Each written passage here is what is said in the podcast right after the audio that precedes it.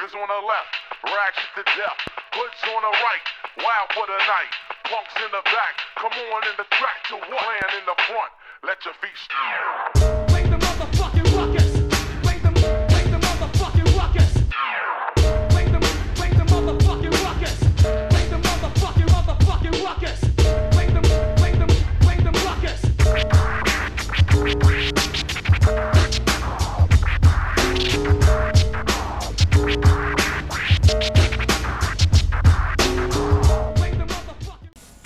Selamat datang di Serang Balik Podcast. episode Hari ini kita di episode ke-7. Hmm, hari ini Udah. kita masih di kondisi karantina. karantina. Ya, Hmm, Nggak karantina karantina amat sih sebenarnya. masih ada beraktivitas kita. Jadi kayak misalnya seminggu tuh paling dua hari ya keluar gitu. Mm, itu pun keluar ya di rumah, di rumah, di rumah kawan nggak misalnya. Eh, udah sebulan mungkin kita nih ya. Iya, udah hampir masuk sebulan sih. Hmm, Pernah nggak Osiban? Lumayan sih makanya aku ke sini. ya kita di Sarang nih di Hmm, di tempat eh, rumah baca Rumah baca aliansi Aliansi. aliansi admin. Mm, tempat membaca dan hari ini sel eh enggak, selama kau karantina apa sih yang kau buat di rumah buat ngisi kebosanan kau Aku dengan itulah dengan aktivitas aku ngetik ngetik dan lanjutkan dari kan buat itu esai kawan suka nulis tulis esai ya buat esai nonton film Mm-mm. Mungkin nanti kita bakal sedikit bahas tentang film yang bertema dengan sepak bola. Hmm, Mungkin boleh, nanti boleh. nanti lah. Mm-mm. Terus dengar lagu sih pasti. Dengar lagu. Ya gimana sih kalau misalnya di masa kayak gini kita ndak ada musik. Aku bayangkan di masa kalau orang-orang sebelum-sebelumnya ya, Hmm. nggak ada nyiptakan seni gitu kan. Mm. Dan kau baru ngerasa kalau oh seni itu berguna rupanya. Menghidup, menghidupkan jiwa gitu Ah, yang saat- agak-agak nak saat- mati nih. Saat kau udah ngerasa kayak gini tuh, kau kayak kau bisa lebih menghargai seni lah, terutama musik. Mm. karena saat kau ndak bisa ngapa-ngapa kau stuck di satu tempat di rumah gitu kan kau stuck di satu tempat kau ndak bisa ke mana-mana ndak ya social distancing lah jauh dari orang segala macam itu. Kau menyendiri dengar lagu nonton film mungkin kau baca kre- buku. mungkin kau kreatif bagi sekarang kan. Hmm. kayak sekarang kan isu-isu corona nih covid nih kan udah banyak yang bikin lagu. Iya Belum. siapa? Bang Haji bang Haji Roma Irama. Emang orang itu kayak apa ya? Kayak kayak kayak kayak oportunis oportunis oportunis ya. Dia Amin Rais versi musisi. Gitu. Soalnya kayak gue bilang kan ah, kemarin yang mau nyalonkan diri jadi presiden Hmm. juga dia kan. dia terus tiba-tiba nulis lagu corona ya mungkin apa dapur ah. Karena banyak istri Mm-mm. banyak istri kan? mungkin dapurnya mulai agak kosong nih. Makanya perlu perlu pundi-pundi kan? Tapi kalau kalau kita ngomongkan musisi ya kita terberka cita lah ya. Ini Dapat kabar dapat tadi. kabar.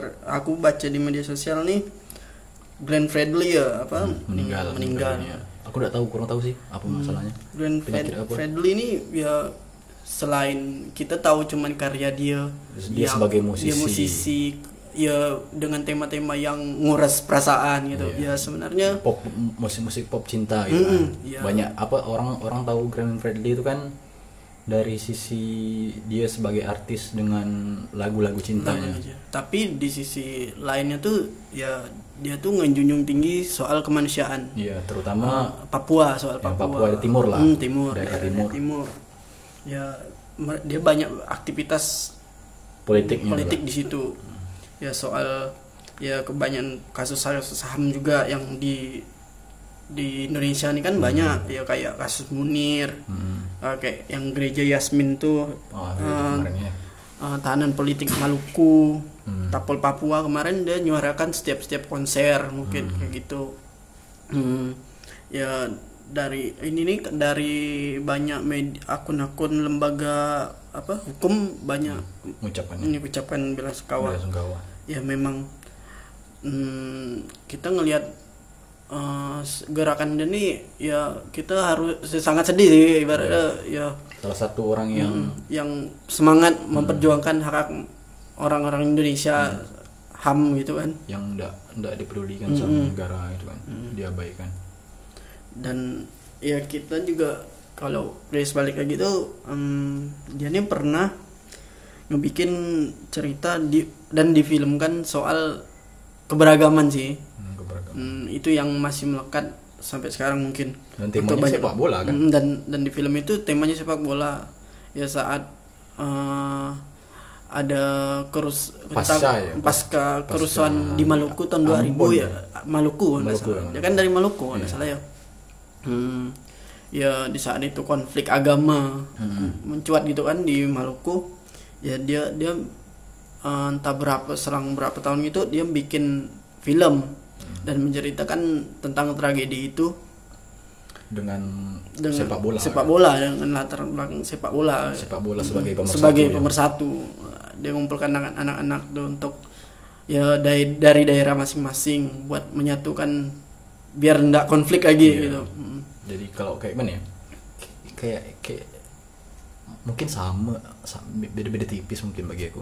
Kayak dengan yang dilakukan Drogba mungkin ya. Mm-mm. Drogba kan sempat juga apa eh, dia bisa dibilang dia secara individu terkenal lah kan di eh, Pantai Gading ya Ivory Coast dia juga sempat memberhentikan perang, sipil perang kan. sipil. perang sipil juga kan teman perang sipil juga.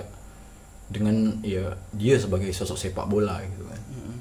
Itu kan kalau kalau kita lihat itu kan dari sisinya dari sepak bola dari sisi politisnya ya. Hmm. itu bahwa sepak bola tuh bisa menjadi pemersatu. Mm, iya terutama dalam konteks yang dilakukan uh, Glenn. Glenn.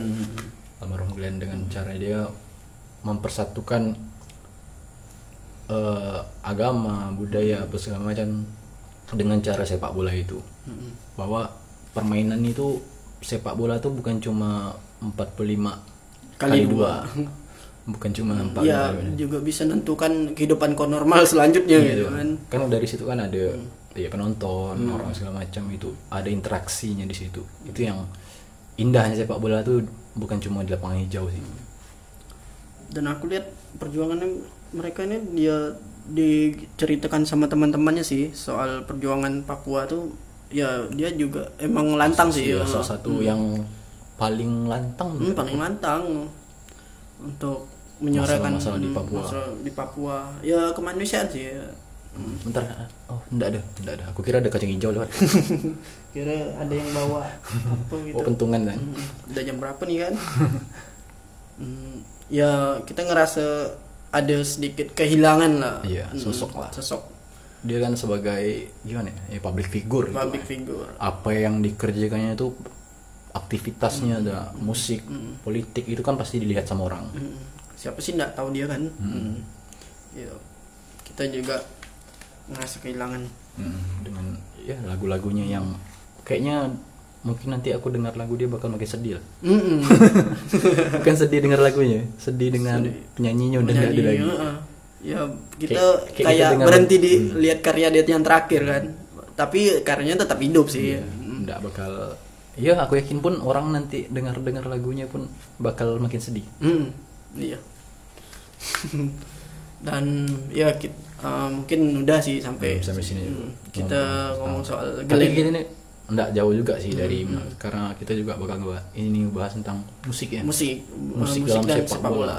Dan musik dan sepak bola. Karena bagi aku musik sama sepak bola tuh nggak bisa lepas sih. Iya, ya kayak tiap pertandingan ada musik kok. Di ada chance ada chance.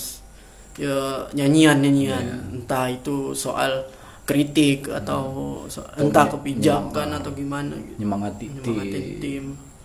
Ya tapi jangan sampai rasis. nah itu jangan sampai rasis tuh. itu kebanyakan di Indonesia. dan Itali Nah, ini tadi mirip-mirip. dari Itali Itali Itali parah sih parah sekali kalau masalah rasisme Rasisme. bukannya aku bilang kalau di di di, di apa di negara Eropa lain enggak tapi itu Italia itu bisa dibilang Terlalu masif gitu ya. yang paling parah lah Paling parah. Italia utara eh utara atau selatan ya lupa aku kemarin bahas tentang Italia tentang ada beberapa bagian gitu Hmm. di, Italia utara atau selatan gitu yang paling rasis itu.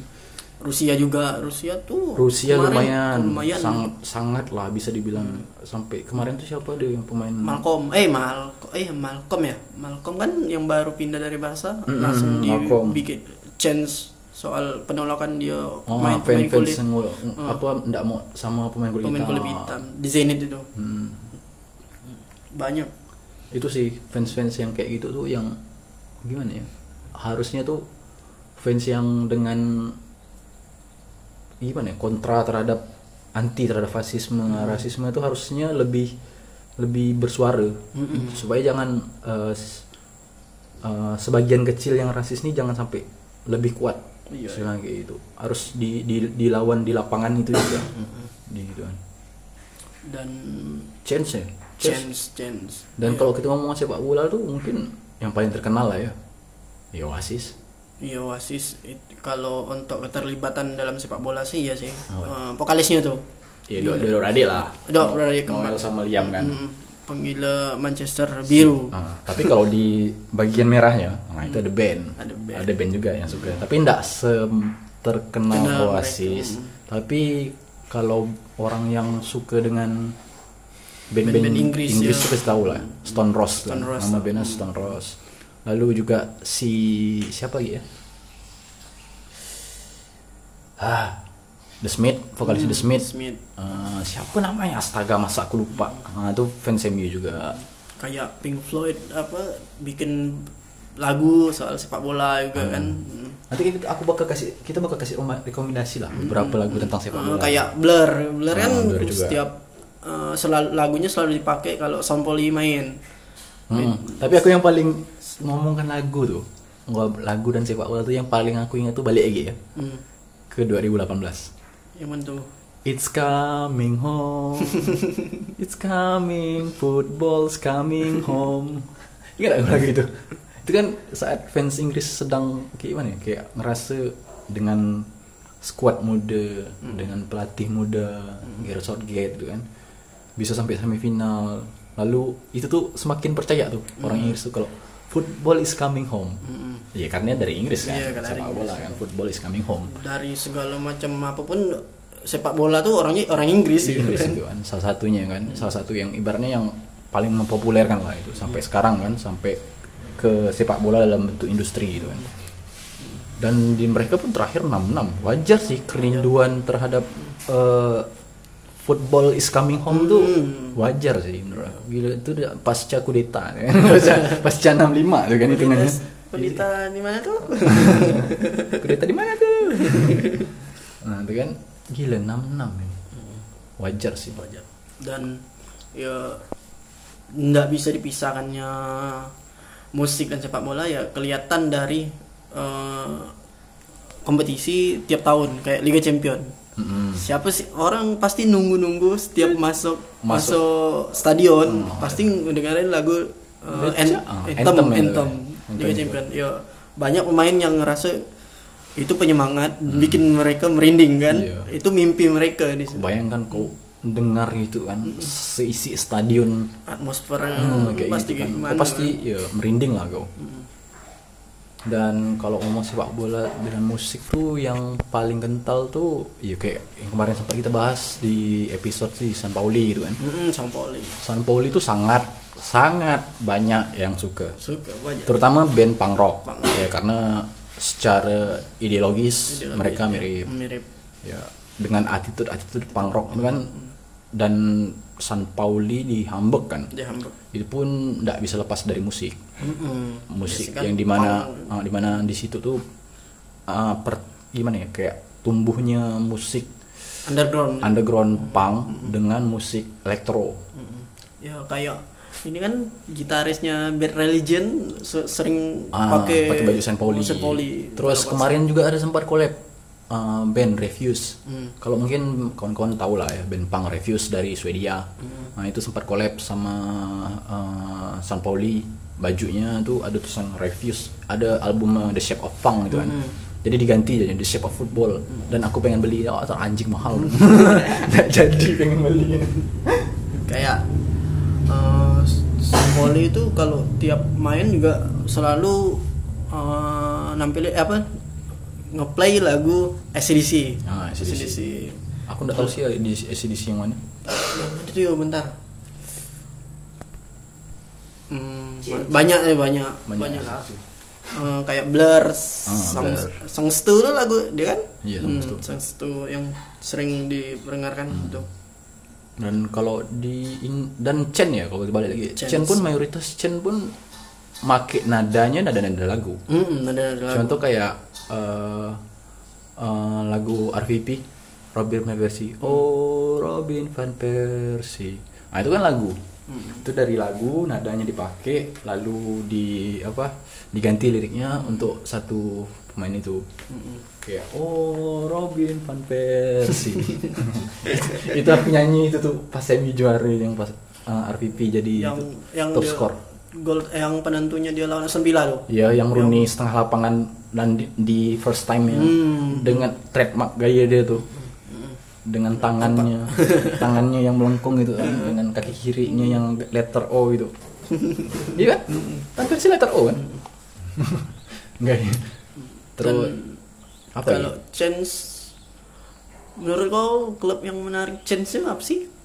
Yang Ka- banyak banyak gitu. Emang biasa kan ada klub yang itu itu ya. Hmm, mayoritas kalau Inggris tuh kayak gitu sih. Hmm, kayaknya sedikit lah chance. Kayak we love, we love you na na. Nah, na, na. oh Nah, iya dan- kayak di London tuh rata-rata kan pakai lagu itu ya. Iya. London. Mungkin kalau menurut aku di Inggris tuh selain YNWA ya, Hmm. selain Liverpool, You Never Walk Alone tuh menurut aku West Ham, West Ham. Flying Bubbles. Itu aku mendengarnya merinding. Iya sih, itu kan. waktu stadium lama ya. Hmm. Waktu stadium lama, waktu stadium lama bukan stadium sekarang. Karena Kayaknya stadium sekarang dengan Jelek. itu emang kayak ndak cocok sih ibaratnya tuh. Ya mereka tuh kayak ndak intim lagi dah. Ah, jauh, jauh, jauh, Dengan- jauh. Dengan, ada pembatasnya track running tuh kan. Memang tim mediocre tuh harusnya sesuai kapasitas lah anunya. Kayak Chelsea lah. betul betul. Kayak Chelsea ya Chelsea tuh lagunya sih apa chances dikit. Nah, dikit. Bosan aku dengar. Jadi kalau ndak ada pakai pakai suara pun nonton bola nggak masalah. ya. Hmm. Paling aku pengen dengar suara Peter Drury ya, komentatornya. Dan ah, kok aku bilang kalau uh, chance-nya itu yang paling menurut aku flying, flying bubbles. Lalu mungkin YNWA sih. YNWA. YNWA pun bukan cuma Liverpool yang ada kan. kan pakai juga pakai. banyak.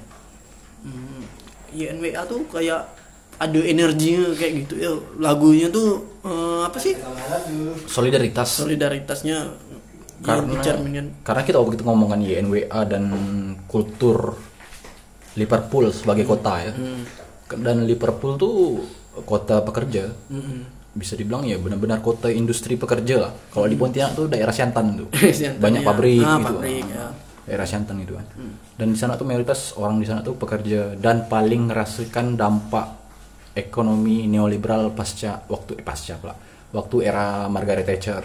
Ah, jadi perdana menteri di Inggris kan UK nah makanya eh, bagi aku walaupun sebagai fans MU ya dengar lagu eh, You Never Walk Alone tuh bagi aku suatu yang sangat luar biasa lah iya Mm-mm.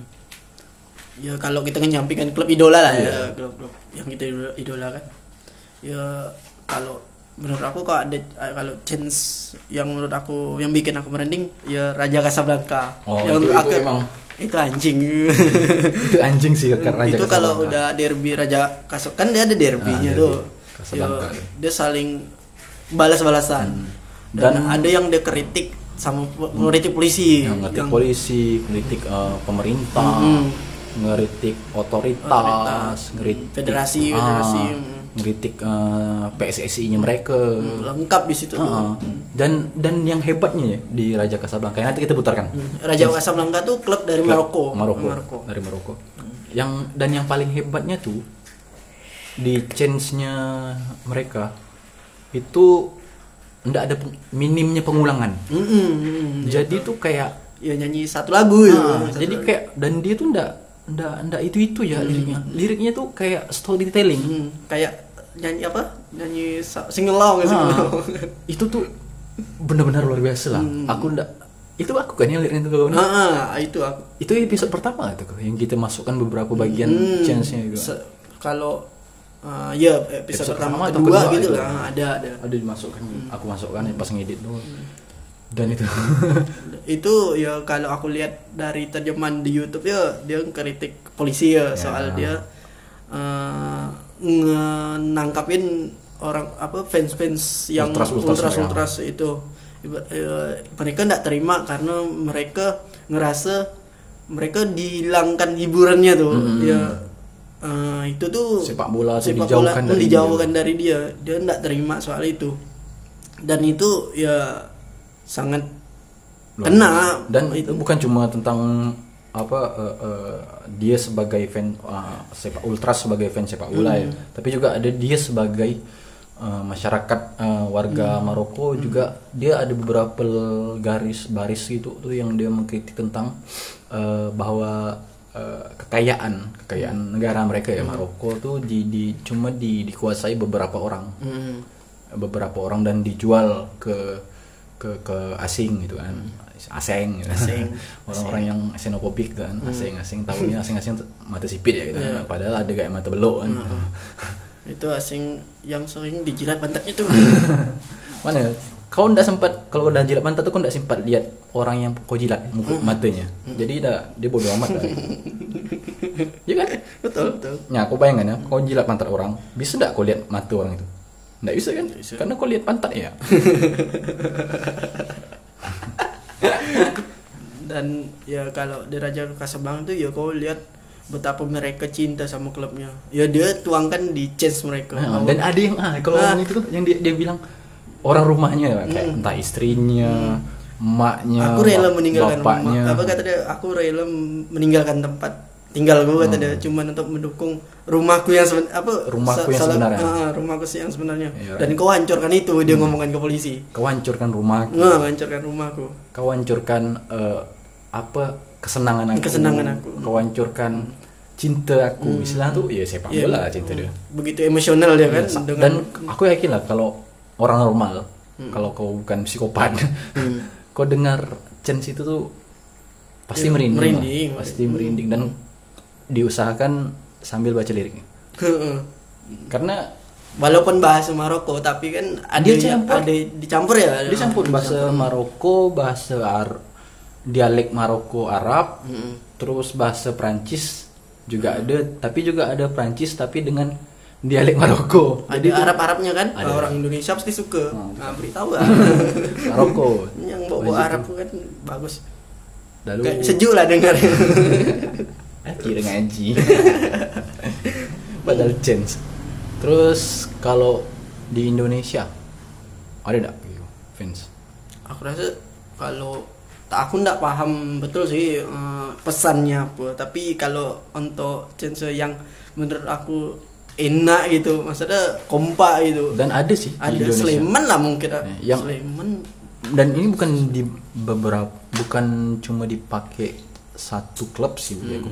yang ada juga tentang kritiki tentang poli- eh, otoritas negara itu polisi gitu kan. Ada kritik eh, pak polisi tugasmu itu mengayomi, Nah, kan tuh kan. Itu kan salah satu sindiran. sindiran juga kritik juga eh, eh, ultras itu. Dan kalau kita ngomongkan sepak bola dan musik bagi aku tuh ndak lepas dengan lifestyle. Lifestyle Mm-mm. karena musik tuh pasti ada lifestyle. Dan yang paling kuat tuh mungkin kawan-kawan tahu lah ya. Di Inggris mungkin. Di Inggris, di Inggris ya, Heeh. di Inggris dan beberapa di Eropa lah. Mengikuti di Inggris itu kan. Itu tren kasual casual. Kau tahu kan? Hmm. tren kasual kau pakai eh, eh, CP Company. Pakai CP Company terus pakai Three Stripe Adidas gitu kan. Entah Gazelle Hamburg ataupun kalau kau kaya kau beli yang yang seri-seri yang langka itu kan. Terus eh, em, jaket Stone Island kalau kau kaya dan kalau kau pengen tetap keren kau cari lelong Lelong. kalau apa, apa sih bahasa Indonesia lelong apa sih second second ber, second barang-barang second second. Ah, second, second. mungkin kayak, kayak uh, uh, apa marketplace marketplace yang jual barang-barang second gitu kan itu banyak gitu. dan aku juga dulu suka sih sempat ngumpul-ngumpulkan barang-barang kasual gitu kok sempat Aris Enggak. Enggak, aku tuh orangnya jarang beli-beli second kayak gitu. Soalnya aku enggak enggak Nggak, ngerti. brand-brand Oh, yang brand-brand. identik dengan fans sepak bola gitu kayak kayak yang aku sebutkan tadi kayak Adidas, eh, Three Stripe, terus brand-brand kayak Stone Island, Oh, enggak. enggak, enggak, enggak ngikutin. Enggak ngikutin aku. Aku enggak ngikutin karena aku enggak ada duit. ah, itu, itu gak tuh. Dan aku emang kurang ngerti sih kalau kalau soal Brand-brand. brand-brand kayak gitu. Tapi emang emang gimana ya? Entah entah entah apa gitu. Ya, kasual itu kan bisa dibilang subkultur kan. Subkultur yang lahir dari eh, sepak bola. Itu kan. Subkultur yang lahir dari sepak bola dan itu tuh emang gayanya asik sih bagi aku. Karena eh, kau dengan di Inggris ya, bilang konteks Inggris dengan jaket apa windbreaker gitu kan, windbreaker windbreakernya Stone Island gitu kan. Dan harganya lumayan sih, di atas 1 juta. Kalau orang sana kalau di Inggris orang-orang pemain-pemain Inggris kayak gitu belinya sih dapat banyak lah. Duitnya tak habis-habis. Dan, Dan ah ini kalau soal musik kayak gitu kan ya kita bakal nunggu empat tahun sekali di Piala Dunia eh, apa so, original original soundtracknya so- original soundtrack ya. Original entemnya entemnya Kau paling suka di tahun berapa sih? Ale lah udah Ada Ale ya. itu yang paling iya Ricky Martin Ricky Martin eh Iya. Tahun berapa tuh ya? 9 eh lupa aku pokoknya 98 dah salah aku Ricky Martin yang ale ale ale hmm, ya itu sih bagus sih kalau tapi yang masih teringat sekarang pun ini Shakira. ya kan Shakira Shakira. Eh iya. Eh bukan. Iya, eh Shakira. Shakira kan? Iya. Mm-mm. waka waka Bakal eh, eh, eh. ya. dan Vicky jatuh hati kan Sampai sekarang. Sampai Ta- sekarang. Tapi setelah tapi ada yang menurut aku kurang tuh di tahun kemarin sih. Mm-mm. Nah, aku ndak terlalu suka dengan Dengan musik lagunya, musiknya. lagunya. aku pun enggak aku lupa udah lupa aku Nah, aku lupa. Malah ingat yang 2000 2000 berapa sih?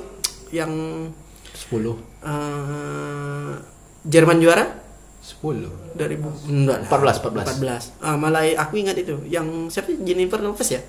Jilo aku Jilo kan? Jilo salah aku sih Jilo. Nah, itu masih masih kepikir masih Ada ada ingatan. ingatan gitu. Kalau yang kemarin benar-benar ada udah hilang gitu kan emang sih kadang kayak itu dan sepak bola tuh gimana ya menurut aku dengan musik tuh kayak iya itu nggak bisa lepas dia bisa dilepas. Hmm.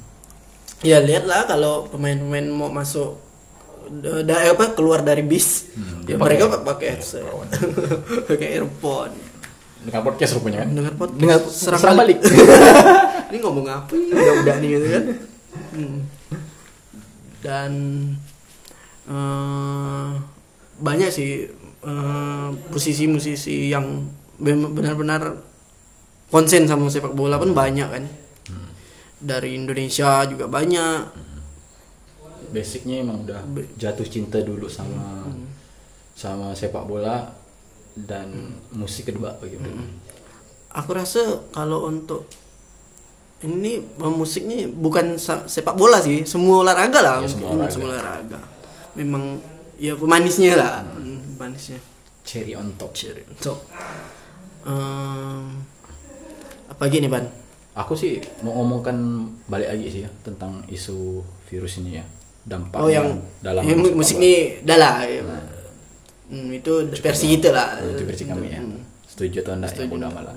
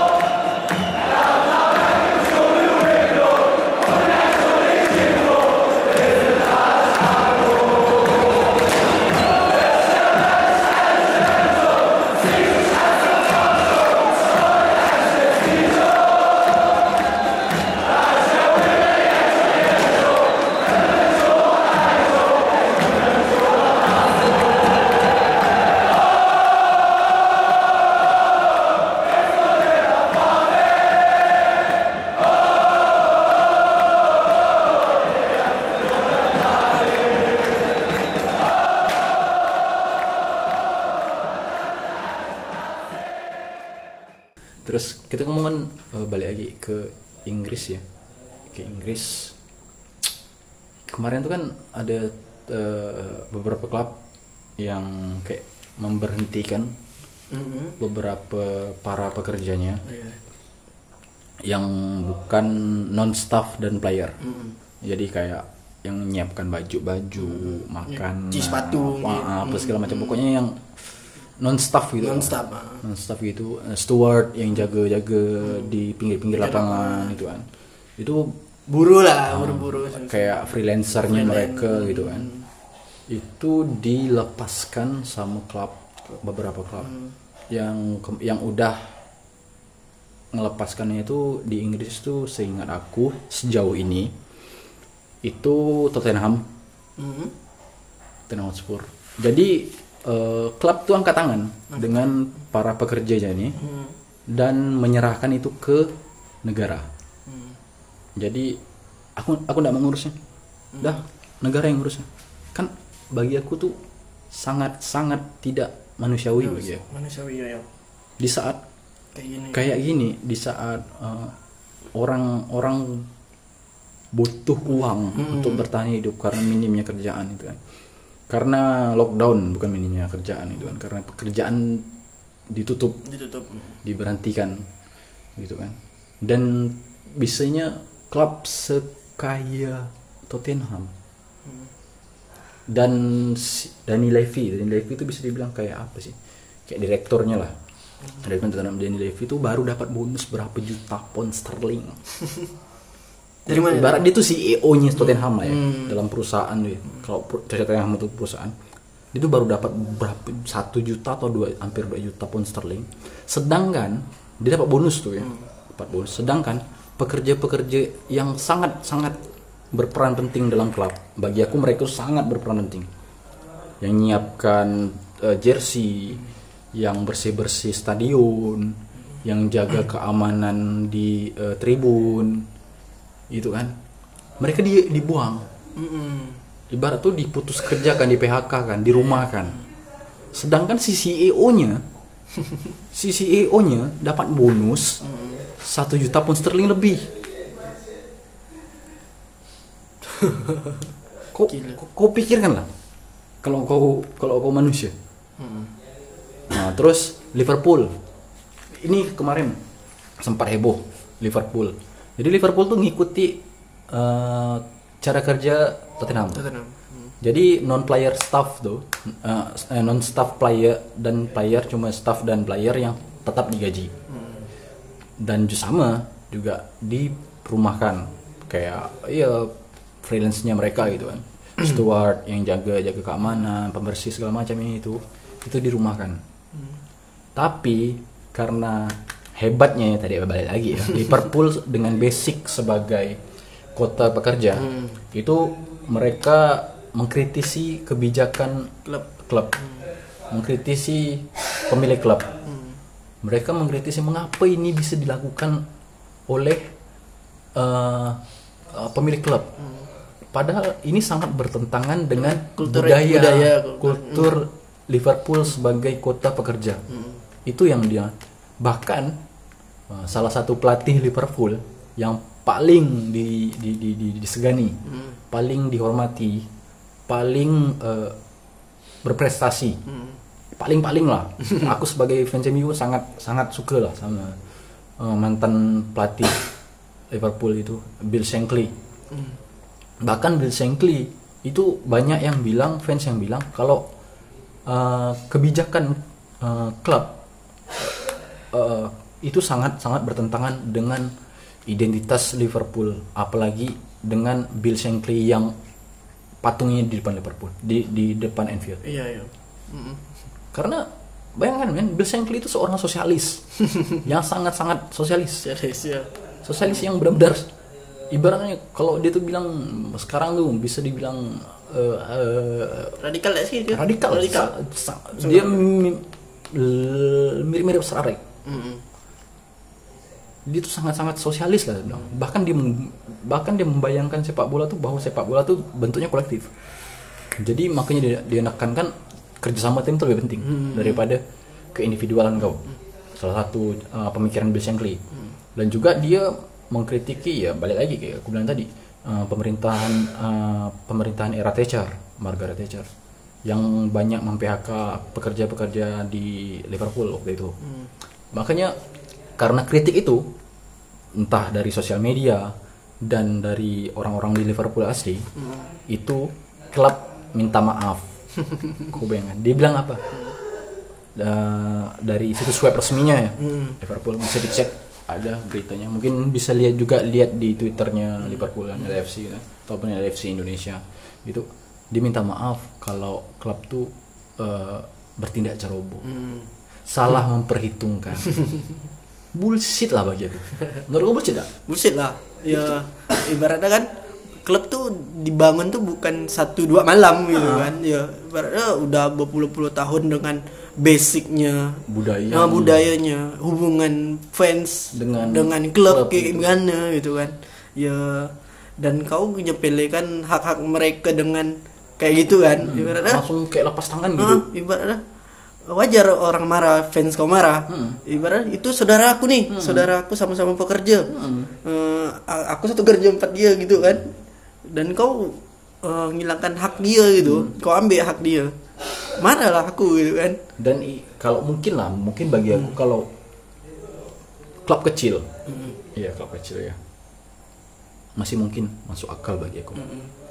Kalau klub sebesar Liverpool ndak mampu tai sih. Tai sih bagi aku. Ya apalagi ya bonus kau juara. Juara Liga Champion. Hmm. eh, exposure kau soal yang eh, merchandise ya. Apalagi kau sedang naik naiknya gini kan. Posisi sekarang. Mm-mm, kau tuh udah juara dunia gitu kan. Eh, kalau kau ngerasa tidak mampu ya itu tidak masuk akal gitu. masuk akal. Mm. Eh, dan masalah ini pun sama dengan di Barcelona kan? Iya. Ya yang Messi kayak koordina koordinir eh, kawan-kawannya supaya gajinya 70% dikasih ke pekerja-pekerja ya semacam Hmm, memenuhi. tadi. Eh, ya makanya sekarang banyak foto-foto Messi diga, di apa? digabungkan ke foto C. Untung bukan Britney Spears. Nah, Britney Spears kemerat kemerat distribusi kekayaan kan distribusi ke- kekayaan. Ya dia salah satu yang menggerakkan supaya teman-teman satu timnya ngepangkas gajinya sebanyak 70% kalau tidak salah aku untuk para pekerja yang ada yang kau sebutkan tadi se- eh, yang tukang- Pekerja-pekerja freelance-nya. eh, freelance. Untuk orang-orang di situ lah. Hmm. dan ya itu harus di harus Dicontoh sih. dicontoh sih ya Dicontoh. semua pemain juga harus punya kesadaran Iya, itulah karena pemain tuh pu- punya privilege yang Ah, luar biasa privilege ya kau bayangkan saat gajinya tuh per minggu kan hmm, per minggu per minggu per week gitu kan gajinya yang standarnya biasanya ya mediocre kok Hmm. mediocre lah ya 80 ribu US dollar eh 80 ribu pound sterling gitu kan itu ya yang mediocre ya bang ya. terus 250k Hmm. 250 ribu, 300 ribu, bahkan macam Sanchez yang sampah gitu, Hmm, sampai 300, 400 ribu per weekend gitu kan. Iya. Itu sangat-sangat tidak masuk akal sih bagi aku. Masuk akal sih karena klub mampu. Mampu. Tapi kok tidak mampu bayar ke upah po- apa pekerjanya yang yang ngapa harus dibebankan ke ke negara. Ke negara, Kasar tuh kayak gitu. Bukan aku sangat nasionalis Ah, bukan dan cinta negara. negara, gitu kan? Enggak. Tapi itu seakan-akan eh, klub itu sebagai sebagai sebagai eh, perusahaan ya. Perusahaan. Itu lepas tangan dan menyerahkan itu ke negara. Itu kayak kayak apa ya? ya, kayak, perusahaan biasa Iya, gitu. kayak tembian. ya kebijakan perusahaan ya BUMN gitu. Ya kayak kayak gitu. Tembiat-tembiatnya kayak Nah, gitu. apalagi untuk di Indonesia hampir 2 ribuan yang P- PHK nih Hmm. Hmm. Dan mungkin bakal lebih. Aku. lebih ya. Hmm. Hmm. banyak impact dari covid ini di dunia sepak bola tuh banyak, banyak imbasnya. sekali Hmm. dan yang aku sangat salut lah dengan beberapa pe- pemain yang sadar kalau mereka tuh punya privilege, Hmm. Privilege, ya. punya punya hak istimewa yang tidak dirasakan oleh eh, orang lain pema- fansnya lah terutama. Hmm. kayak Harry Maguire. Dia m- punya kesadaran juga kayak Messi pemangkasan pem- potongan dulu gajinya untuk eh, staff itu. Iya. lalu untuk eh, komunitas orang sekitar Manchester juga. Dan kemarin Rashford juga sebagai Mancunian gitu kan lahir di Manchester besar di Manchester asli Manchester gitu kan dia juga eh, ngebuat program untuk eh, makan anak-anak di Manchester gitu. Jadi buat karena orang tuanya kan orang tua anak-anak itu kan banyakan yang udah entah itu kerja di rumah ataupun eh, kurang lah upahnya gara-gara masalah uh, pandemik ini kan. Jadi susah kerja gitu. Dan Rashford tuh udah 2 juta pound sterling atau 2 juta euro gitu ngebuat itu. Jadi setiap hari itu makannya tuh dibagikan untuk anak-anak gitu. dan ya pemain tuh ya harus rat, semua gitulah ibaratnya. Ya itu yang menunjang kau gitu ya. Kau Tanpa main fans. dengan ah tanpa fans tanpa orang-orang yang terlibat di stadium gitu ya. Mungkin performa kau ndak sebagus gaji kau gitu Iya, kan. iya. ya kayak ibaratnya yang kerja untuk rumput gitu kan. Kalau kau sering kritik eh, rumput jelek kayak gimana. Ya gimana lo? Kau udah baik eh, hak kau eh hak pekerja tuh udah di penuhi belum? penuhin belum gitu. Eh, ya kan ada ada ada uang ada kualitas kerja kau gitu kan. Hmm. makanya dia itu itu yang aku bilang tuh di saat-saat seperti inilah nih kita bisa kita bisa lebih menghargai orang-orang yang kerjanya esensial. Esensial tuh kayak yang selama itu yang selama ini ya sebelum ada pandemik nih ya sangat tidak dihargai. Ibarat tuh kasarnya ya, UMK UMK. Kerjaannya pasti UMK kerjaannya pasti dikasih UMK Iya. misalnya kayak itu kan. Contoh kayak yang jaga di uh, uh, minimarket minimarket Minimarket, franchise franchise. kan. Kalau nggak ada mereka tuh nggak jalan. Nggak jalan Hmm. terus uh, orang yang bersih bersih di jalan. Ya macam karyawan outsourcing ya yang dibayar UM, eh, UMK, UMK hmm, gitu kan. ya mereka harus bekerja di layanan masyarakat gitu kan. Macam ya wifi kayak gitu ya ja- Hmm. Karena kebutuhan sama kebutuhan kau dibutuhkan. ya macam wifi kalau kau nggak ada wifi di komunikasi rumah kan ah, ah, ah. jangan dengan komunikasi Hmm. dan ya mereka eh, mereka yang digaji kecil ini inilah yang yang bakal tulang punggung tulang punggung yang, dunia yang nyelamatkan kau nih gitu. tulang punggung dunia tuh mereka mereka yang selama ini sangat tidak dihargai negara dan korporasinya Iya. Dan dan sampai sekarang pun masih banyak yang berjuang buat buat itu gitu kan kayak ya sekarang pun masih ada yang demo apa. Ya kayak di Pakistan kemarin Ah, kan karena masalah APB AP, APD, APD, ya. dan ah, ya orang-orang yang penting kayak gitu yang menyelamatkan orang banyak ya kau disepele kan. Ya sekarang kalau ndak ada yang mau kerja di situ siapa sih yang bisa menyelamatkan orang banyak gitu kan? Polisi. Polisi itu kan memang kong orangnya jahanam lu kau bayangkan ya di Pakistan ya. Kau kau bisa lihat lah Pakistan dokter eh, demo lah gitu ya. Maknanya APD kau bayangkan dokter dimasukkan ke penjara gara-gara demo. Siapa yang mau ngurus pasien COVID-19 kacang hijau. Wow. apa ditembak kok? Ditembak. virus itu ditembak. Iya, ya biar biar tak ada repot kan tembak ya. kau bayangkan lah kau bayangkan dokter tuh sedikit udah dikit dah dokter tuh karena pendidikan mahal ya. Ya. kalau gratis ya kayak gubah banyak dokternya. Karena mahal gitu kan jadi sedikit orang yang mampu untuk uh, kuliah di kedokteran gitu kan. Dan dok karena udahlah dikit dia mau ibarat untuk keamanan dirinya. Mereka nuntut haknya. Itu hak loh. Iya iya. itu kayak ka- karena ini, ini bukan jangan jadikan pandemik ini untuk misi bunuh diri bagi para para medis karena saat tidak ada APD tanpa minimnya APD segala macam itu tuh bisa bisa sama dengan kamikaze. Iya kan? Kamikaze kayak apa pilot Jepang itu ndak ada peluru ndak ada bensin dah tabrak ya hajar Pak, gitu kan? Kamikaze ndak bisa kayak gitu. Kita ndak ndak senasionalisme buta kayak orang Jepang yang fasis dulu. Hmm, walaupun kita emang agak fasis iya sih. tapi dokter itu tuh ndak fasis. Hmm, betul. Iya sih. Me- memang kita harus ngargain para para buruh sekarang. iya para pekerja Pekerja. pekerja esensial itu ya yang tadi kita sebutkan itu yang benar-benar saat ini jadi tulang punggungnya tulang punggung kita dalam kehidupan kita lah Hmm. Dan aku eh, untuk ngomong soal buruh ini aku mau kasih tetap semangat buat kawan-kawan yang berjuang di eh, PT I- apa ICE Ah, ICE, dan ya. kemarin update terakhir mereka masih demo dan mereka di diusir sama satpam PT ICE Hmm. dan itu entah itu satpam di situ atau preman sih. Soalnya perawakannya tuh bukan satpam sekali gitu. Hmm. kayak kayak preman badannya tuh luar biasa besar gitu kan. Orang keras gitu kan. Kawan-kawan itu tuh pada diusir. Dan saat pandemi kayak gini pun mereka masih berjuang sampai sekarang. Ya aku berharap ada titik terang dan mereka tuh aman-aman ya. Eh, walaupun aku ngelihat ini aku sedih sekali sih lihat perjuangan mereka nih sampai mereka berjarak gitu eh, demonya.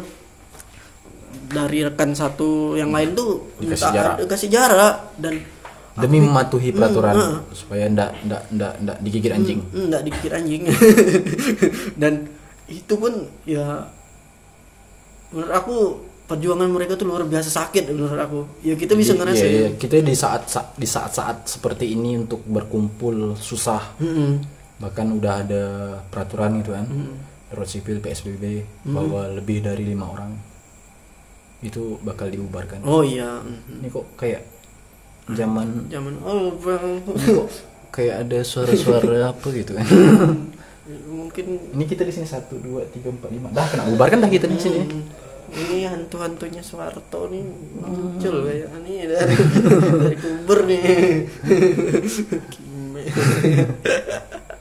Dan aku juga tadi siang tadi aku ada berkomunikasi sama kawan-kawan Jember juga. Masih berjuang di tambang soal tambang Masalah loh. tambang ya? Masalah tambang. Tentang limbah pembuangan limbah. Dan aku dan aku pengen mereka tetap semangat lah ya semangat lah buat kawan-kawan yang masih mempertahankan lahan-lahan hidupnya Ah, masih banyak soalnya ya pandemi ini nih nggak ngurangi represi aparat, Aparat malah, ke- mana malah alasan nah. dengan alasan uh, PSB Hmm. dengan alasan jangan lebih dari lima orang nanti dibubarkan ya, itu kan ya ini jahatnya negara investasi kan Iya. gitu ya eh, krisis kesehatan boleh tapi krisis Nah, ekonomi jangan. ekonomi jangan Nanti dulu. nggak bisa tuh gitu Hmm. Yang penting dompet harus tebal sih kan. Perusahaan harus tetap jalan Hmm. buruhnya harus tetap jalan. Ya, masih banyak itu yang masih berjuang soal lingkungan masih Hmm. banyak sampai sekarang. Dan ya tetap semangat lah buat Hmm. buat uh, kawan-kawan yang masih mempertahankan akal sehatnya. Akal sehatnya. Dan ya banyak keluhan dari kawan pun masih banyak. Ya sesama mereka tuh ada yang pro ada ya eh, penyusup di Iya, snitch. gerakan. Snitch- snitch banyak Oh, banyak tuh. sih Eh. aku rasa sih hampir semua gerakan mungkin ada penyusup eh, gitu kan. snitch snitch tuh loh, itu tuh itu pentingnya uh, intim intim kita terhadap orang dalam lingkungan eh ling, apa lingkaran kita kolektif apa pun bentuknya segala macam. Itu pentingnya yang paling menghancurkan tuh ya penyusup penyusup itu snitch snitch itu. Oh iya kalau yang itu tuh eh, bisa dicerita mas aku kau mau ngasih tahu nggak soal yang di beting gimana yang soal proyek gitu loh yang yang kemarin kau cerita? Apa? Yang beting mau digusur atau gimana gitu. Oh, Oh. kemarin ada cerita lucu sih. Hmm. yang penting kalau kawan-kawan yang bukan dari daerah Pontianak mungkin ada beberapa yang tahu ya. Hmm. dan aku tinggalnya ndak jauh sih dari kampung itu. Dari kampung itu mungkin sekitar pakai motor mungkin sekitar dua menitan ya kali aku pakai dari ya dekat sih. dekat aku kan. Dua menitan. Kampung ini bisa dibilang ya terkenal dengan hmm, peredaran narkoba. Dan mereka solid.